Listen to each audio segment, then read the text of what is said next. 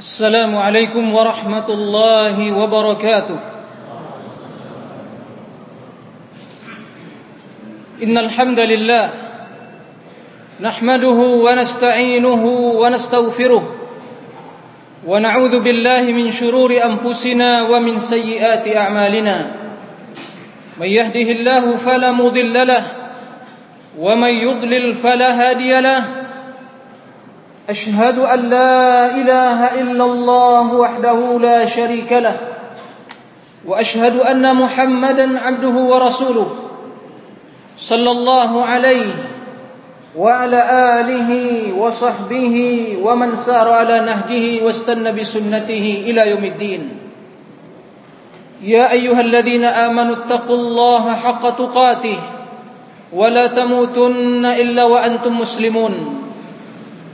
يا أيها الناس اتقوا ربكم الذي خلقكم من نفس واحدة وخلق منها زوجها وبث منهما رجالا كثيرا ونساء واتقوا الله الذي تساءلون به والأرحام إن الله كان عليكم رقيبا يا أيها الذين آمنوا اتقوا الله وقولوا قولا سديدا يصلح لكم أعمالكم ويغفر لكم ذنوبكم ومن يطع الله ورسوله فقد فاز فوزا عظيما. أما بعد فإن أصدق الحديث كتاب الله وخير الهدي هدي محمد صلى الله عليه وسلم وشر الأمور محدثاتها وكل, وكل محدثة بدعة وكل بدعة ضلالة وكل ضلالة في النار. Ikhwatal iman kaum muslimin dan muslimat yang dirahmati oleh Allah Azza wa Jal. Alhamdulillah segala puji dan syukur senantiasa kita panjatkan kehadir Allah Azza wa Jal yang sampai saat ini kita masih diberi karunia masih diberi nikmat oleh Allah Subhanahu wa taala. Sehingga masih mampu melaksanakan segala ubudiyah kita. Melaksanakan segala aktivitas hidup kita. Dengan segala kemudahan dan pertolongan dari Yang Maha Kuasa. Dan secara spesifik dan secara lebih khusus lagi Allah Subhanahu wa taala telah memuliakan kita semua dengan menunjuki kita kepada jalan al-haq jalan yang benar yaitu al-Islam wal iman dan mengikuti sunnah Rasulullah sallallahu alaihi wasallam. Fahadha huwa at-tariqul haqq والمنهج الواضح والصراط المستقيم inilah jalan yang benar manhaj yang lurus dan jalan yang terang benderang yang akan membawa seorang hamba kepada ridha Allah menjadi kekasih Allah menjadi orang yang mendapatkan kemuliaan di dunia dan akhirat Ikhwatal iman kaum muslimin dan muslimat yang dirahmati oleh Allah Azza wa Jalla. Wa dzakir fa inna dzikra tanfa'ul mu'minin sebagaimana kata Allah Subhanahu wa taala. Berilah peringatan Sesungguhnya peringatan itu bermanfaat bagi orang-orang yang beriman Maka pada kesempatan malam yang mulia ini di rumah Allah yang penuh berkah ini kita akan saling mengingatkan kendati permasalahan yang kita bahas telah kita ketahui bersama. Terkhusus di zaman sekarang ini di mana semakin maraknya dakwah pada sunnah Rasulullah sallallahu alaihi wasallam. Dan semakin menebar sunnah di seluruh pelosok Nusantara. Bahkan dunia secara umum. Dunia secara menyeluruh. Cahaya kebenaran itu tidak bisa lagi dibendung oleh orang-orang yang ingin menghambat kebenaran dan mengerongrong jalannya kebenaran itu sendiri. Petunjuk yang diberikan oleh Allah Subhanahu wa taala kepada orang-orang yang dibimbingnya untuk mengikuti al-haq tersebut pada orang-orang yang telah Allah bukakan pintu hatinya untuk menerima al-haq tidak mampu lagi dibendung oleh orang-orang yang ingin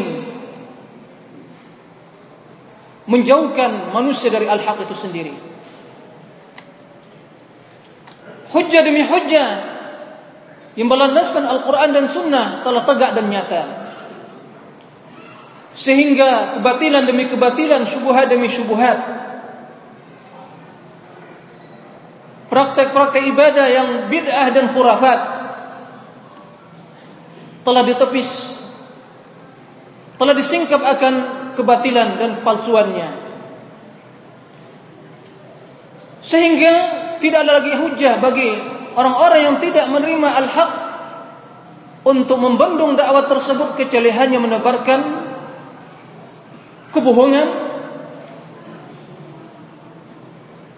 menebarkan permusuhan menebarkan bermacam tudingan-tudingan yang tidak ada hakikat dan bukti nyata dan bermain dengan memanipulasi data itulah modal setiap orang yang menyelisih al-haq di mana tiada lain modal yang mereka gunakan untuk menebarkan kebatilan kecuali kebohongan dan pemalsuan. Sehingga di zaman sekarang ini kita melihat orang-orang menebarkan kebohongan terhadap dakwah yang menyuruh pada sunnah. Sehingga ada sebagian yang mengatakan bahwasanya tidak ada madhab salaf yang diistilahkan oleh ahli sunnah itu sendiri.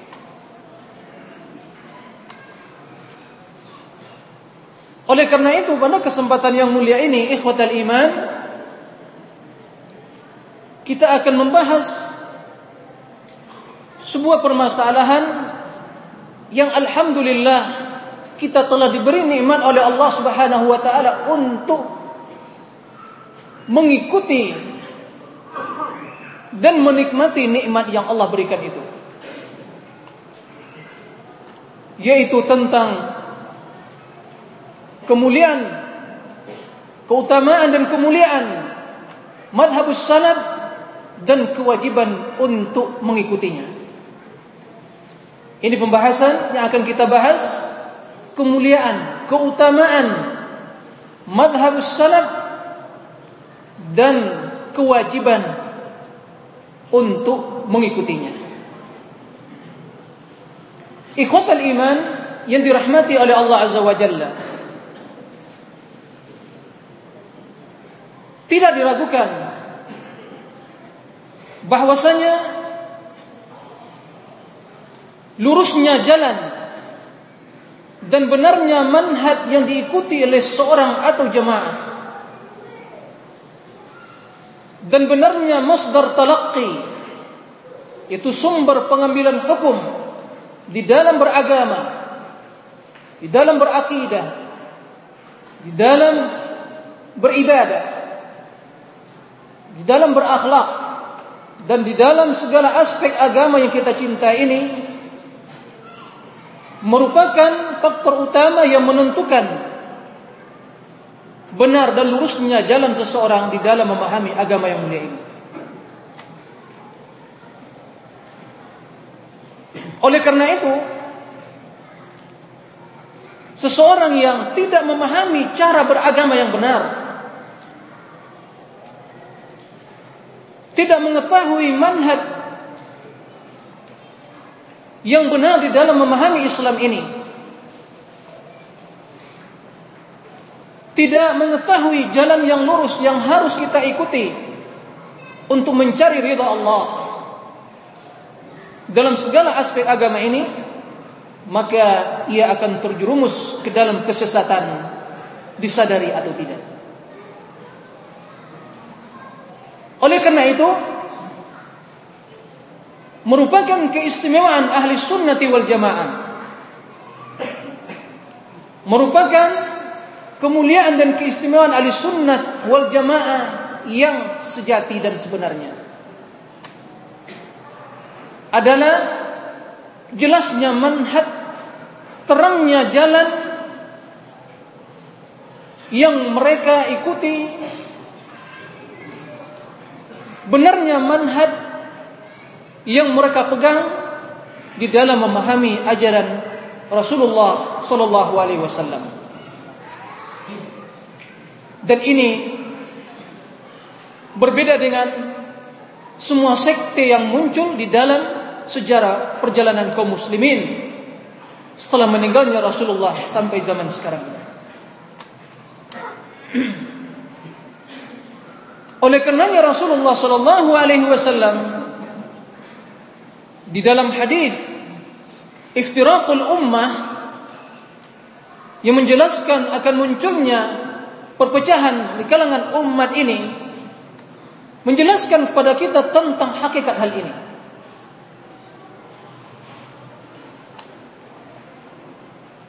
menjelaskan kepada kita tentang kebenaran apa yang diutarakan tadi. Dan di waktu yang sama mewajibkan kepada kita untuk mengenal mutoda yang benar. Cara yang benar di dalam beragama.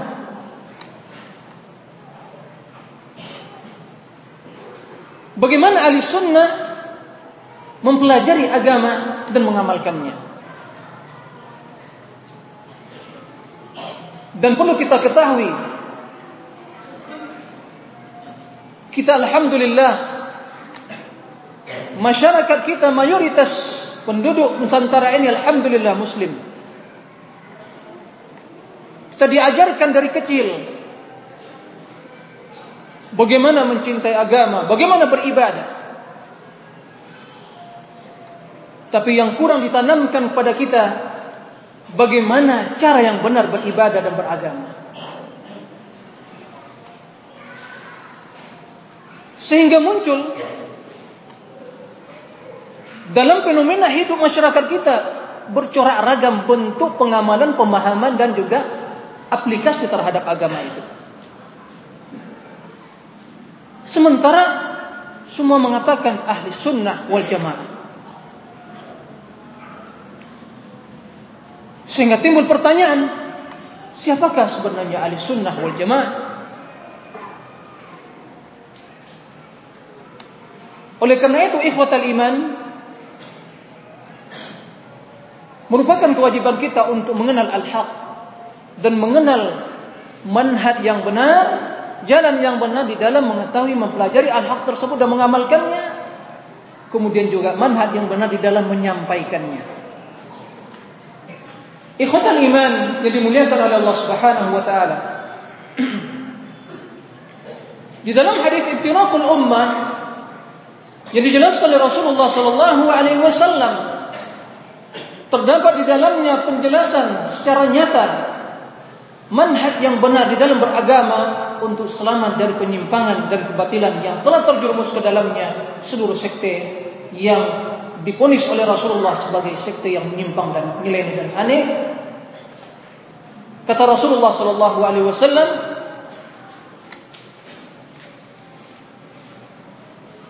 "Wa innahu wa inna ummati sataftariqu ala 73 firqah. Kulluha fi an-nar illa wahidah." Qalu, "Man hiya?" Qalu qala sallallahu alaihi wasallam al-jamaah. Dalam riwayat lain qala ma ana alaihi al-yawma wa ashabi. Kata Rasulullah sallallahu alaihi wasallam umatku akan terpecah belah kepada 73 golongan. Dan semuanya halika Semuanya finnar. Dan kalimat finnar di dalam neraka itu tidak mesti dia itu kufur. Sebab kena penyimpangan dia. Kena kebatilan. Kena kesesatannya. Maka dia berhak untuk dibakar dalam api neraka. Dan yang selamat kata Rasulullah hanya satu golongan. Para sahabat bertanya, siapa yang satu golongan itu ya Rasulullah? Maka Rasulullah Shallallahu Alaihi Wasallam menjawab al-jamaah. Al-jamaah adalah mengikuti al-haq. Inilah makna jamaah. Dan itulah syiar dan simbol ahli sunnah wal jamaah. Jadi mereka senantiasa mengikuti al-haq kendati jumlah mereka sedikit dan minoritas. Di dalam ayat hadis yang lain, riwayat yang lain, ma'ana alaihi al-yawma wa ashabi. Itu apa yang aku ikuti dan juga para sahabat. Jawaban Rasulullah Shallallahu Alaihi Wasallam dalam hadis iftirakul ummah ini menjelaskan kepada kita manhaj yang benar merupakan sebagai parameter untuk mengukur kebenaran kebenaran suatu pemahaman manhaj di dalam memahami agama ini. Di mana Rasulullah Shallallahu Alaihi Wasallam menjelaskan bahwasannya golongan yang selamat yaitu firqatun najiyah itu adalah golongan yang mengikuti apa yang aku ikuti dan para sahabatku.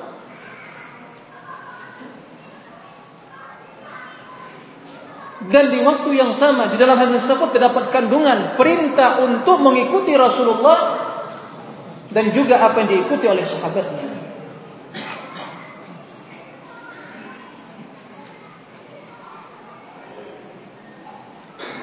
Kenapa demikian? Karena Rasulullah Shallallahu Alaihi Wasallam meninggal dunia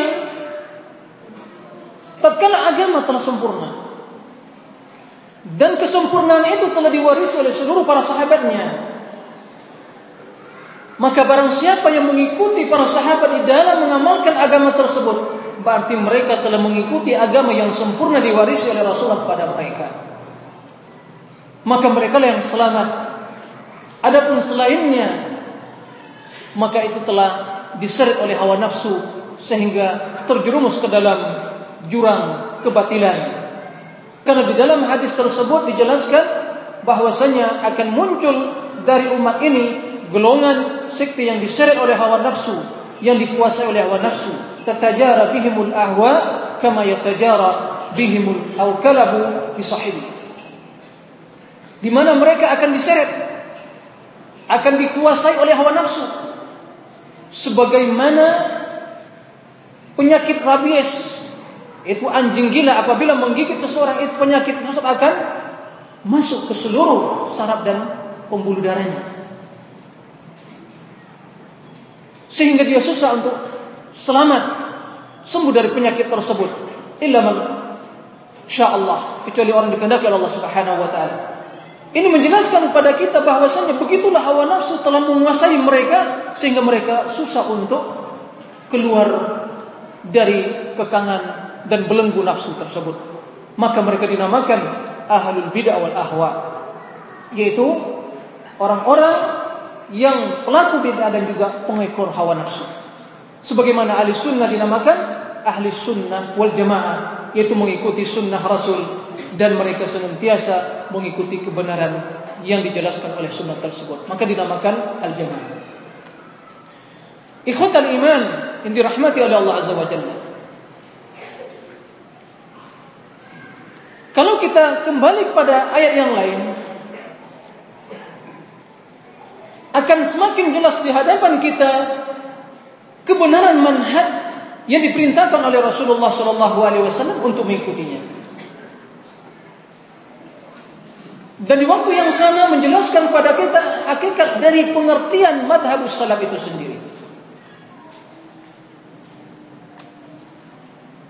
Di dalam surah At-Taubah Allah Subhanahu wa taala menjelaskan kepada kita orang-orang karakter orang-orang yang diridhai dan dicintai oleh Allah Subhanahu wa taala dan yang akan mendapatkan ganjaran yang mulia, pahala yang besar di sisinya.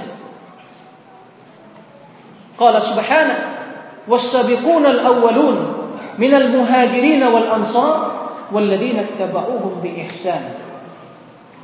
رضي الله عنهم ورضوا عنه وأعد لهم جنات تجري تحتها الأنهار خالدين فيها. رضي الله عن خالد فيها أبدا. رضي الله عنهم ورضوا عنه.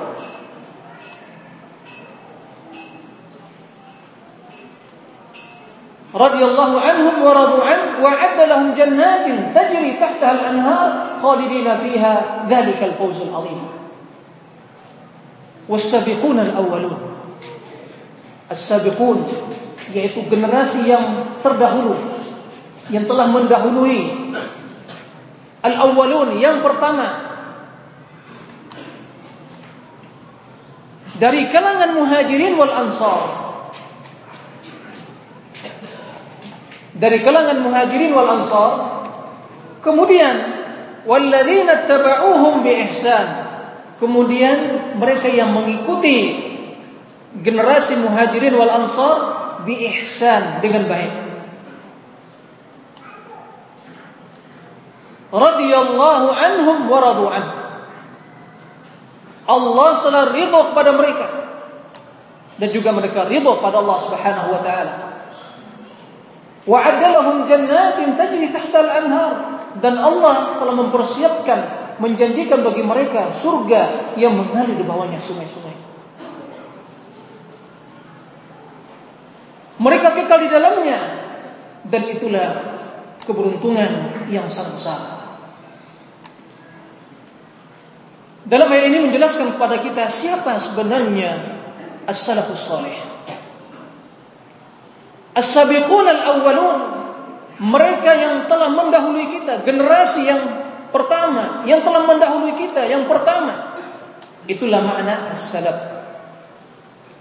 Kalimat salaf secara term, uh, etimologinya, bahasanya kalau kita kembali kepada kitab-kitab kamus bahasa Arab, kita akan mendapatkan yaitu man sabaqaka Siapa yang mendahului kamu? Orang yang telah mendahului kamu dari karib kerabatmu, orang tuamu, nenek-nenek moyangmu di dalam suatu hal, suatu perkara. Ayat yang kita bacakan tadi wasabiqun al-awwalun, mereka yang telah mendahului, orang yang terdahulu, generasi yang terdahulu dan yang pertama. Dan itulah makna as-salaf Siapa mereka? Dari kalangan muhajirin wal ansar walladzina tabauhum dan telah mengikuti mereka atba'ut tabi'in. Dan setiap orang yang mengikuti mereka dengan baik akan mendapatkan kemuliaan yang Allah berikan kepada mereka yaitu keridhaan Allah dan surga di akhirat kelak dan itulah keberuntungan yang sangat besar. Oleh karena itu, istilah as-salaf yaitu as-salafus saleh karena dinamakan dengan as-salafus saleh yaitu generasi terdahulu yang mulia yang baik karena juga hidup di zaman mereka orang-orang yang menyimpang dari agama. Muncul para pencetus bid'ah, pelopor bid'ah seperti Khawarij, Syiah dan yang lain-lainnya maka dan juga Al-Qadariyah, Mu'tazilah dan yang lain-lainnya, maka yang dinamakan dengan salaf adalah mereka yang hidup dan komitmen berpegang teguh dengan apa yang ditinggalkan oleh Rasulullah sallallahu alaihi wasallam itu sendiri. Maka dinamakan as-salafus salih. Dan itu adalah jalan hidup yang harus kita tempuh. Dan itu adalah manhaj yang harus diikuti. Ia bukan sekte. Dia bukan golongan. Tapi ia merupakan pola hidup. Merupakan manhaj yang benar. Metode yang lurus dalam memahami dan mengamalkan agama. Berbeda dengan apa yang dipahami oleh orang tidak memahami hakikat dakwah atau memahami hakikat manhajus salaf, mereka mengatakan bahwasanya salaf itu adalah sekte. Tidak. Ia bukan sekte. Ia bukan golongan, tapi merupakan pola hidup, merupakan jalan hidup, merupakan manhaj di dalam beragama yang telah diperintahkan oleh Rasulullah SAW untuk diikuti. Karena Rasulullah SAW memerintahkan kita untuk mengikuti sahabatnya. Karena mereka yang telah mendahului kita di dalam seluruh kebaikan. Karena mereka yang telah terlebih dahulu meraih kebaikan, kemuliaan. Karena mereka yang telah lebih dahulu dalam memahami agama dan lebih memahami agama daripada generasi datang setelahnya. Mereka telah mendahului kita. Itulah makna salat. Maka diperintahkan oleh Rasulullah SAW untuk mengikutinya. Ma'ana alaihi yawma wa ashabi.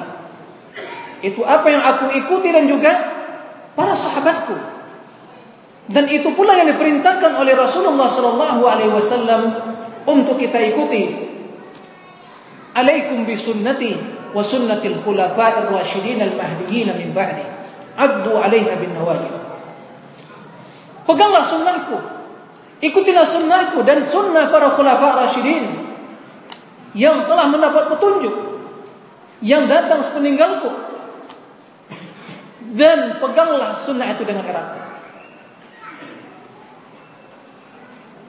Ikhwatal iman yang dimuliakan oleh Allah Subhanahu wa taala. Kenapa Rasulullah Shallallahu alaihi wasallam memerintahkan umat ini untuk mengikuti generasi yang telah dibinanya? selama 3, 23 tahun sehingga menjadi generasi yang mendapatkan pujian langsung dari Yang Maha Kuasa yang ya'lamu ma tukhfis sudur yang mengetahui apa yang tersembunyi di hati seorang manusia yang mengetahui bahwasanya tidak satu pun yang tersembunyi tidak satu pun yang terbesit dalam diri seseorang yang mengetahui seluruh perkara yang mengetahui hati isi hati manusia dan mengetahui akan muncul dari sebagian mereka fitnah yang muncul. Tapi Allah tetap memberikan rekomendasi kepada mereka bahwa mereka orang yang terbaik bahkan mendapatkan predikat keridhaan derajat yang tinggi di sisi Allah. Sehingga Allah turunkan ayat kuntum khaira ummatin ukhrijat linnas. Kalian adalah umat yang terbaik ukhrijat linnas yang dilahirkan untuk manusia menyeru pada kebaikan. Makanya ta'muruna bil ma'ruf wa tanhauna 'anil munkar. Memerintahkan kepada kebaikan, mencegah dari kemungkaran. Dan Allah telah meridhai mereka radhiyallahu anhum wa radu an. Dan sifat ridha ini merupakan sifat dzatiyah yang senantiasa menyertai diri Allah Subhanahu wa taala sehingga dan sifat azali apabila seorang telah diridhoi oleh Allah maka dia tidak akan murka padanya selama-lamanya kendati muncul dalam perjalanan hidupnya sebagian kesalahan yang semuanya itu akan luput dalam lautan kebaikan mereka Allah mengetahui akan ada sebagian fitnah yang muncul di kalangan para sahabat, tapi ternyata Allah sebelum telah memberikan rekomendasi pada mereka, meridhai mereka. Laqad radiyallahu 'anil mu'minina id yubayyi'unaka tahta asy-syajarah.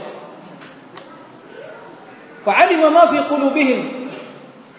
Allah telah meridhai orang-orang yang beriman yang membaiat kamu di bawah pohon yaitu di waktu Hudaybiyah.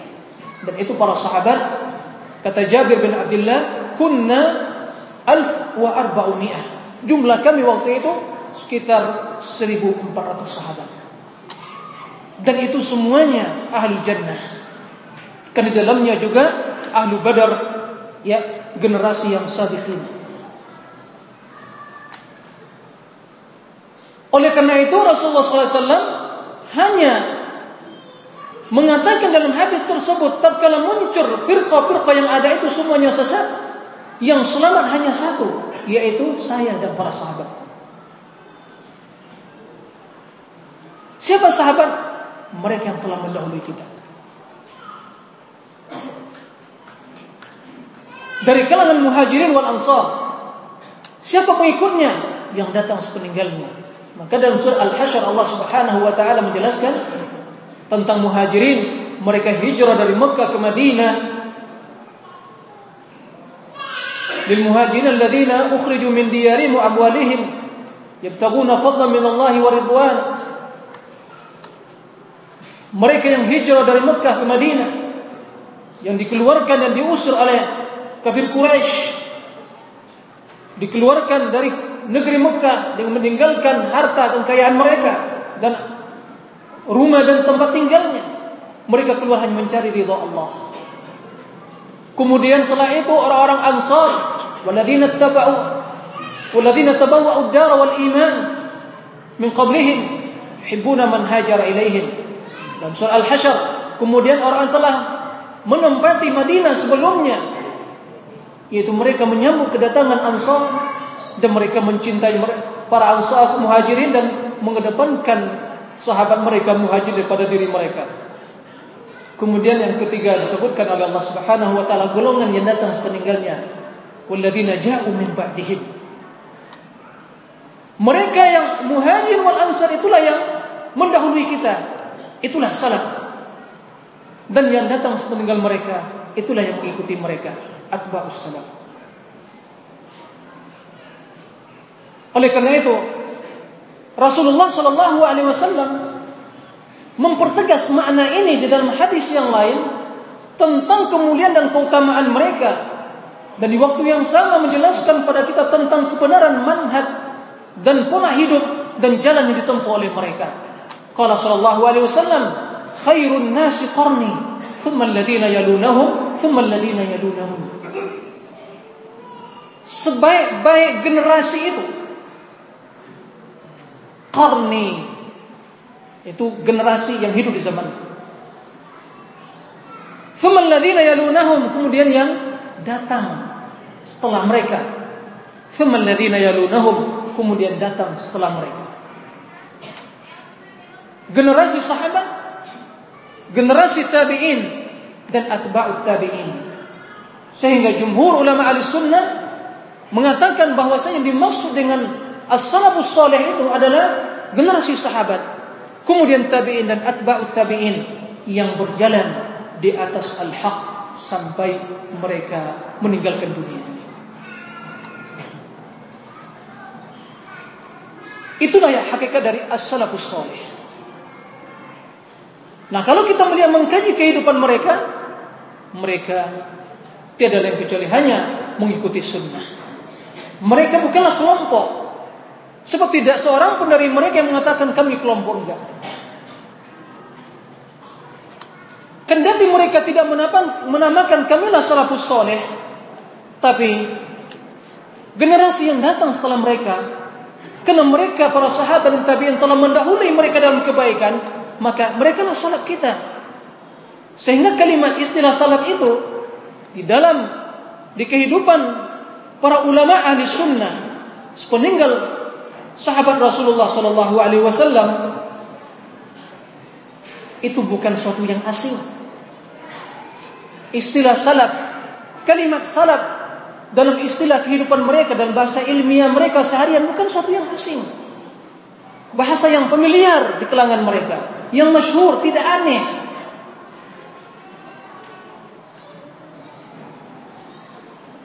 Sehingga Generasi yang datang setelah sahabat dan tabi'in terus mengatakan bahwasanya memerintahkan alaika alaika bi athari man salaf. Kata Imam Auza'i misalnya. Hendaklah kamu mengikuti yaitu athar man Apa athar? Jalan. Itu orang yang telah mendahului kamu.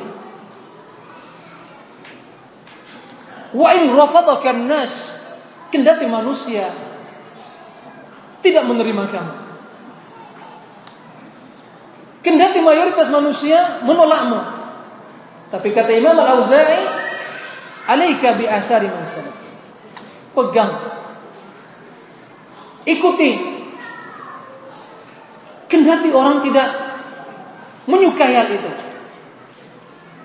Wa iyyaka wa ara'ir rijal. Tinggalkan olehmu pendapat-pendapat manusia ini. Wa in zakhrafu laka bil qaul.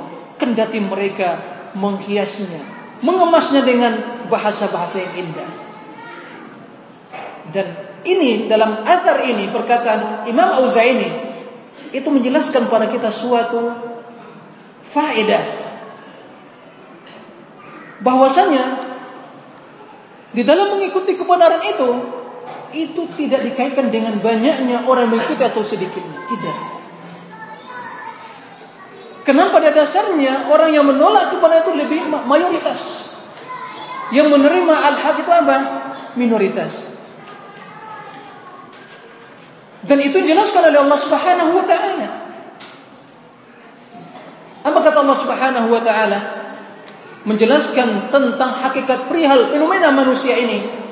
Qala qala Allah Subhanahu wa taala di nabiyhi, "Wa in tuti' aktsara man fil ardi yudilluka an sabilillah. Lihat, ini firman Allah. Wa man asdaqu min Allah qila? Siapa yang paling benar dari Allah? Perkataan yang paling benar dari perkataan Allah. Jika kamu Muhammad mengikuti mayoritas manusia, niscaya mereka akan menyesatkan kamu dari jalan Allah. Niscaya mereka akan menyesatkan kamu dari jalan Allah. Karena kebanyakan manusia berada di atas kebatilan. Mayoritas manusia berada di atas kesesatan, kepasikan. Wa kathir minhum fasiqun. Kebanyakan mereka itu fasik. Wa qalilun min ibadiyasy syakur. Sedikit yang hamba bersyukur. Wa ma aktsara nasi walau harasta bimu'minin.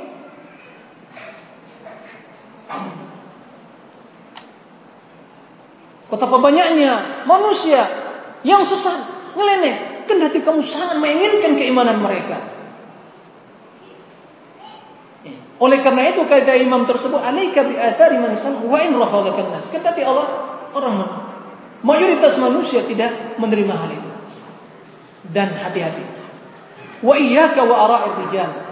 Dan tinggalkan olehmu pendapat, perkataan, pemikiran seseorang. Wa in zakhrafu laka bil qaul. Kendati mereka menghias perkataan dan pendapat tersebut dengan omongan-omongan atau perkataan yang indah. Ini di dalam perkataan ini terdapat juga faedah. Bahwasanya Modal utama ahlul batil untuk menyesatkan manusia adalah mereka mengemas permasalahan-permasalahan tersebut dengan ungkapan-ungkapan yang indah sehingga menyihir manusia. Wa inna minal bayani la sihra. Di antara penjelasan itu betul-betul perkataan yang menyihir. Enggak sadar mereka larut terbawa omongan mereka. Masuk doktrinnya. disertai dengan penampilan yang yang berwibawa.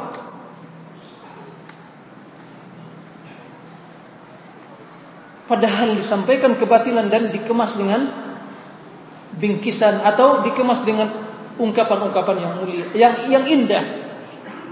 Zakhrafulaka bil qaul.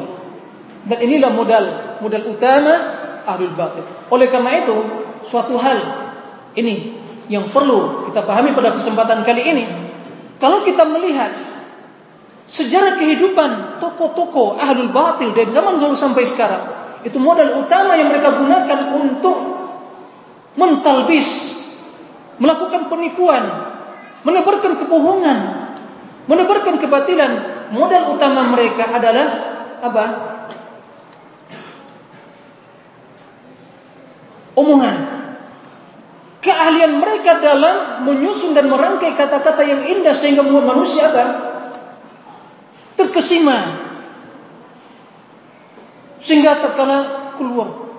Subhanallah. Ini betul-betul alim. Lihat perkataannya. Ini betul-betul ustaz dai kondang lihat perkataannya. Dai sejuta umat betul perkataannya. Ini terkesima dengan omongannya. Sehingga sebagian ahlul bidah atau tokoh sentral Mu'tazilah seperti Wasil bin Atha itu orang yang fasih, orator, sehingga mampu dia dalam berbicara itu tidak bisa apa meninggalkan kalimat roh dalam ungkapan dia. Bahkan ini suatu hal yang keahlian yang luar biasa.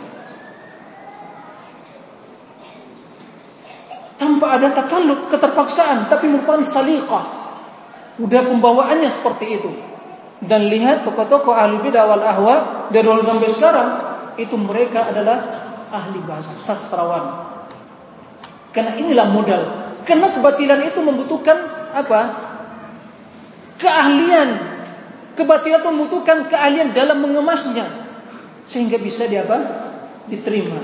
Tapi al-haq apa yang kita sampaikan qala Allah wa qala Rasul. Enggak ada rasa terpaksaan. Kita sampaikan apa adanya. Maka al-batin mengimpakan harta yang sekian banyak dengan bermacam-macam siang malam mereka bagaimana membuat talbis agar apa? Muncul keraguan dan penipuan dalam kehidupan manusia. Nah ini pelajaran bagi kita semua. Maka jangan kita menilai, jangan standar kita dalam menilai kebenaran itu indahnya ungkapan seseorang dan pandainya dia bersilat lidah di dalam menyampaikan, mengutarkan, mengutarakan suatu permasalahan. Ini bukan standar. Yang standarnya adalah benar apa yang diucapkan dan dia itu sesuai dengan al-haq, Al-Quran dan Sunnah. Oleh karena itu, ikhwatal iman, Allah Subhanahu wa taala atau sebelumnya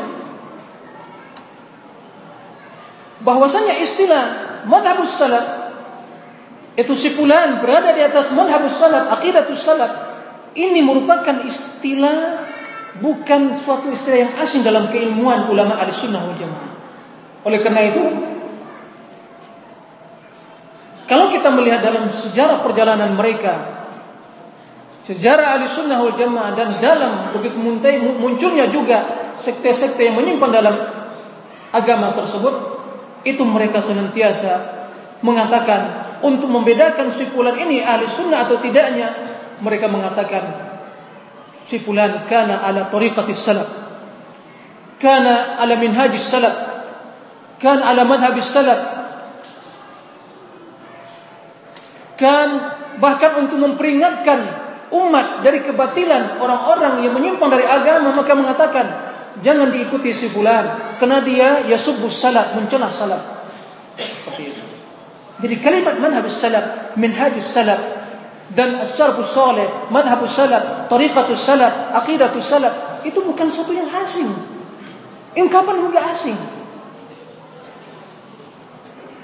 Nah setiap orang yang mengikuti sahabat tersebut karena mereka generasi yang telah mengikuti, yang generasi yang telah mendahului kita, generasi yang lebih dahulu meraih kebaikan, mendapatkan kemuliaan, yang telah mendapatkan rekomendasi rekomendasi dari Rasulullah, pujian yang mulia dari Allah dan Rasulnya, itulah yang diperintahkan oleh Allah untuk kita ikuti. Sehingga Allah memerintahkan kita untuk mengikuti orang-orang yang kembali kepada Allah Subhanahu wa taala. Qala subhanahu wattabi' sabila man anaba ilayya. Wattabi' sabila man anaba ilayya. Ikutilah jalan orang yang telah kembali kepadaku. Qala Imam Luqayyim rahimahullah wa kullu sahaba qad anaba ila Allah azza wa jalla. Seluruh para sahabat telah kembali kepada Allah dalam segala aspek kehidupan mereka.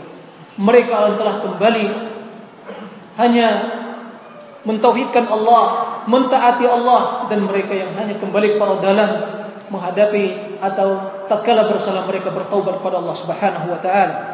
Oleh karena itu kata Imam Nuqayyim, wa kullu min as-sahaba munibun ila Allah fayajibu ittiba'u sabilihi wa aqwalihi wa i'tiqadatihi dan seluruh para telah kembali kepada Allah maka wajib untuk mengikuti jalan mereka dan juga perkataan-perkataan mereka. Oleh karena itu, Allah Subhanahu wa taala mengancam orang-orang yang keluar dari jalan mereka. Qala subhanahu wa may yushaqiqir rasul min ba'di ma tabayyana lahu al-huda wa yattabi' ghayra sabilil mu'minin nuwallihi ma tawalla wa nuslihi jahannam wa sa'at musibah. Barang siapa yang menentang yang menyelisihi Ar-Rasul setelah datang petunjuk secara nyata padanya dan mengikuti selain jalan orang-orang yang beriman. Kata Allah Subhanahu wa taala kami biarkan dia itu leluasa atau mengikuti apa yang diinginkannya. Tidak dibimbing oleh Allah Subhanahu wa taala. Itu di dunia berarti dia tersesat dari jalan kebenaran. Allah biarkan dia leluasa dalam mengikuti apa yang dia ikuti, yang diinginkan oleh hawa nafsunya. Dan di akhirat lebih dahsyat lagi, wa nuslihi jahannam wa waliyazubillah. Dan akan kami masukkan dia ke dalam neraka jahannam dan itulah sejelek-jelek tempat kembali. Sekarang timbul pertanyaan, apa itu jalan sabilul atau sabilul mu'minin? Setiap ayat yang kita dapatkan dalam Al-Quran yang menjelaskan tentang orang-orang beriman, muttaqin. Maka yang pertama sekali yang masuk ke dalam ayat tersebut yang dimaksud siapa? Para sahabat Rasulullah, tabi'in, atba'ut tabi'in, seluruh generasi, seluruh manusia yang beriman, yang mengikuti kebaikan sunnah Rasulullah dan mengikuti jalan mereka sampai akhir zaman. Maka perintah bagi kita, ancaman bagi orang-orang yang mengisihi manhaj dan metode mereka di dalam beragama. Oleh karena itu ikhwatal iman yang dimuliakan oleh Allah Subhanahu wa taala merupakan kesepakatan ulama ahli sunnah bahkan ulama kesepakatan ahli sunnah wal jamaah kesepakatan mereka dalam mengikuti manhaj salafus saleh dan inilah manhaj yang diikuti oleh seluruh ulama ahli sunnah wal jamaah. Bukan seperti judul sebagian kitab ya yang kitab yang intinya judulnya provokator sekali yang mengatakan ulama sejagat ya menghujat salafi. Ini menjelaskan pada kita kejahilan pengarang kitab tersebut. Kalau dia mengetahui hakikat ulama, siapa itu ulama? Dan siapa itu ulama ahli sunnah wal jamaah? Dia akan mengetahui bahwasanya seluruh ulama ahli sunnah seluruh ulama ahli sunnah wal jamaah bukan semua ulama. Kalau ulama itu ada dua. Ulama yang mengajak pada al-haq dan ulama yang mengajak pada kebatilan. Maka harus kita kaitkan di sini ulama ahli sunnah wal jamaah.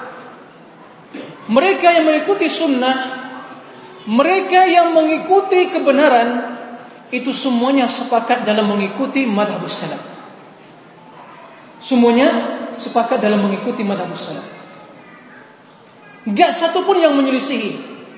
Bahkan dijelaskan oleh ulama seperti Imam Al-Sijzi dalam kitabnya Ar-Risalah ila ahli Thagr dan Al-Imam Al-Salmasi salah seorang ulama Syafi'i yang hidup yang meninggal tahun 555 Hijriah dalam kitabnya manazil a'immah al-arba'ah menjelaskan bahwasanya ulama itu terbagi dua. Ulama a'immatu al-huda wa a'immatu ad-dhalalah.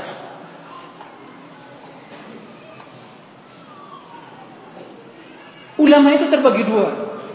Ulama yang menyeru kepada kebatilan, ulama yang menyeru kepada kebaikan dan ulama yang menyeru kepada kebatilan.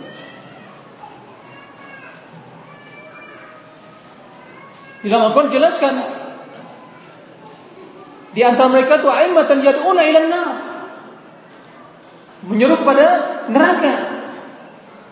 Fir'aun dan seluruh orang yang mengikuti kebatilan dan menyimpang dari al-haq. Itu pada dasarnya Fir'aunlah sebagai pendahulunya yang mengatakan bahwasanya dia Rabbukumul A'la yang menyeru manusia pada untuk mengibadatinya dan menyisihi agama yang dibawa oleh Nabi Musa.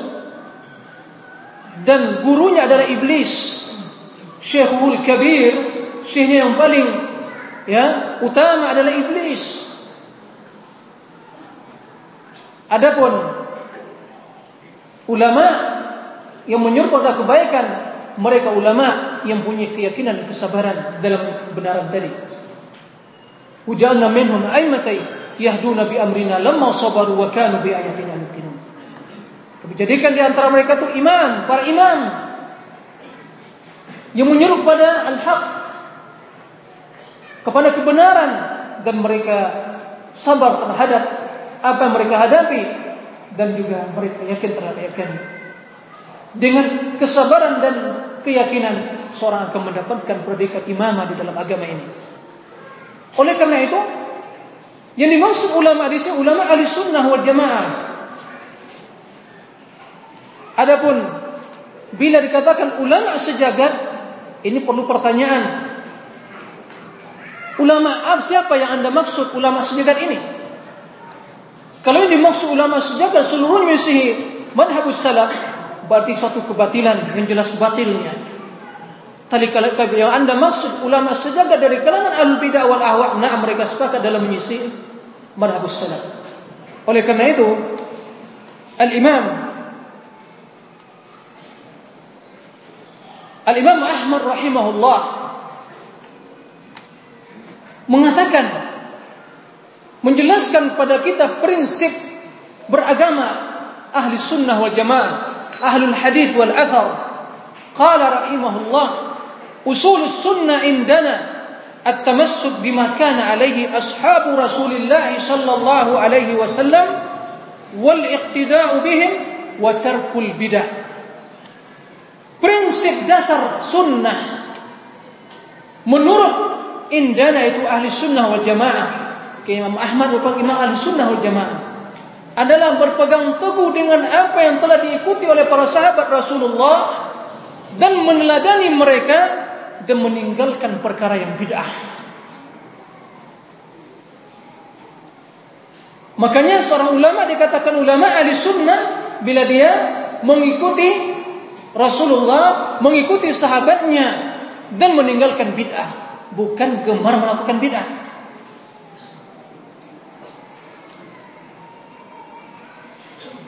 Oleh karena itu, Al-Imam Abu Mudhaffar As-Sam'ani seorang ulama Syafi'i yang mengatakan bahwasanya syiar simbol beragama ahli sunnah wal jamaah adalah mengikuti as-salafus salih. Di dalam kitab Intisar li Ashabil Hadis yang dinukil oleh al-Imam Qawamus Sunnah dalam kitab Qawamus Sunnah itu hujjah di al-mahajjah dan Imam Suyuti dalam kitab Saunul Mantuq. Itu menjelaskan bahwasanya syiar ahli sunnah qala rahimahullah wa syiaru ahli sunnah ittiba'uhum salafus salih wa tarku kullu wa tarku kulli ma huwa mubtada'un muhdas. Jadi syiar simbol beragama ahli sunnah apa ittiba'us salafus salih. Mengikuti salafus salih. Siapa mereka salafus salih kita jelaskan tadi siapa? Was-sahabah, at-tabi'in wa atba'ut tabi'in. Itu salafus salih. Sebaliknya kemudian syiar mereka wa tarku kulli ma huwa mubtada'un muhdath dan meninggalkan setiap perkara yang bid'ah ada yang baru dalam agama. بدل مصر عقيدة مصر عبادة. نعم، نفس سغلا عسبي أجام أخلاق. عقيدة مريكة لأقيدة رسول الله. ما قد يكون هذا عقيدة؟ عقيدة أصحاب الحديث. عقيدة الصلاة وأصحاب الحديث.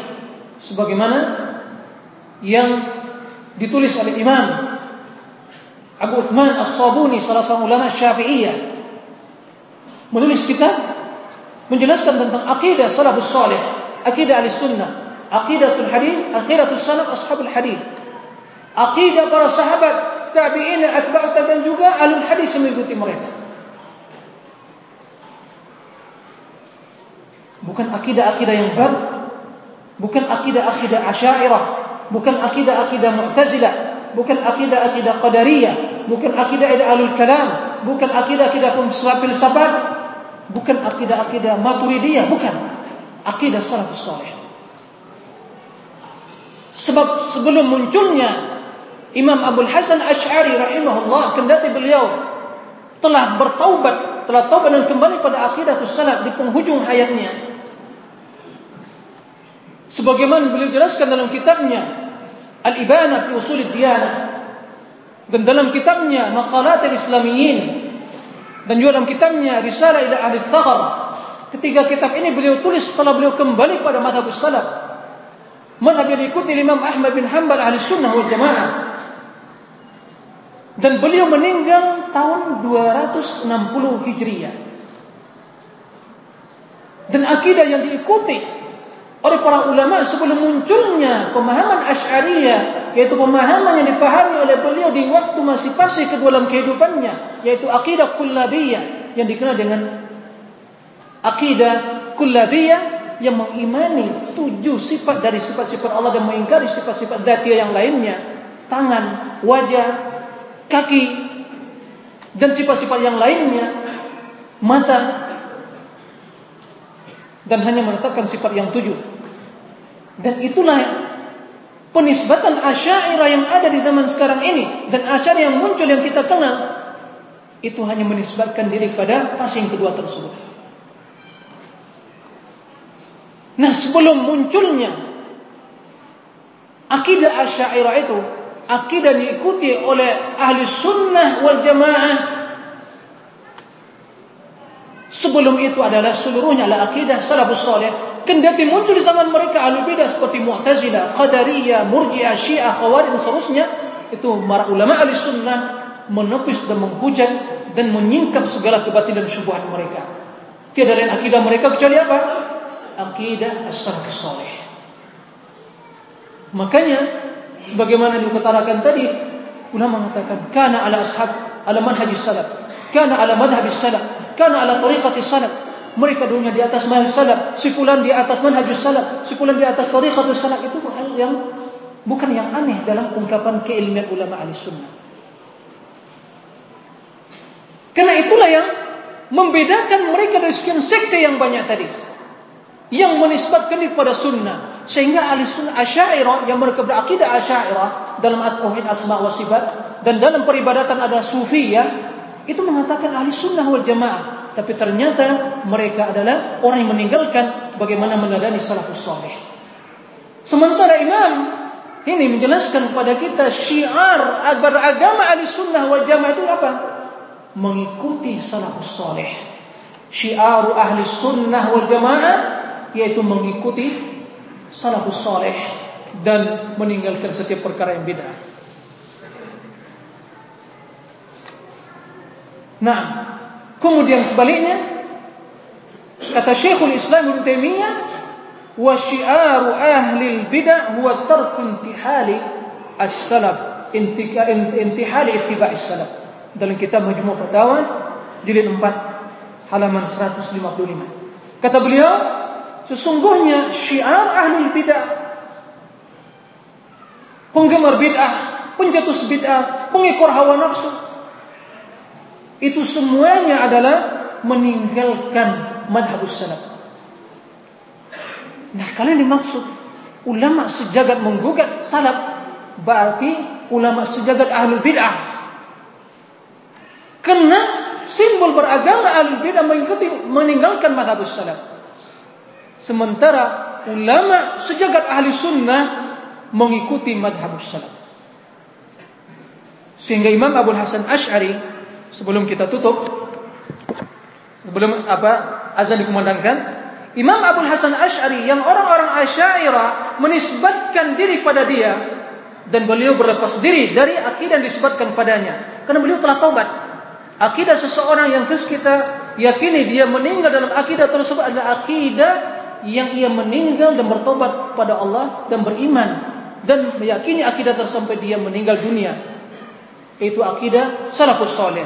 Sehingga di dalam kitabnya Risalah ila ahli Thagar menyebutkan ijma' ahli sunnah wal jamaah.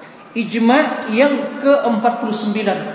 Al-ijma' at-tasi' wal arba'un. Qal wa ajma'u ala annahu la yajuzu li ahadin an yakhruja an aqawil as-salaf فيما أجمعوا عليه وعما اختلفوا فيه أو في تأويله لأن الحق لا يجوز أن يخرج من أقاويلهم dalam kitab Risalah ila Al-Thaghar halaman 306 sampai 307 kata beliau ijma ahli sunnah yang ke-49 mereka sepakat bahwasanya tidak boleh bagi seseorang keluar dari perkataan salah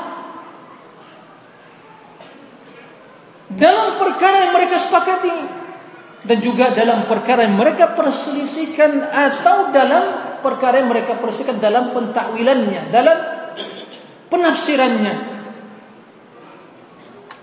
Karena kebenaran itu tidak boleh keluar dari perkataan mereka. Ini perkataan siapa? Imam Abu Hasan Ash'ari yang orang-orang Asy'ariyah mengingkari banyak sifat. Hah? Mengatakan mereka pengikut Imam Abu Hasan Ash'ari. Ini perkataan Imam Abu Hasan Ash'ari imamukum. Oleh karena itu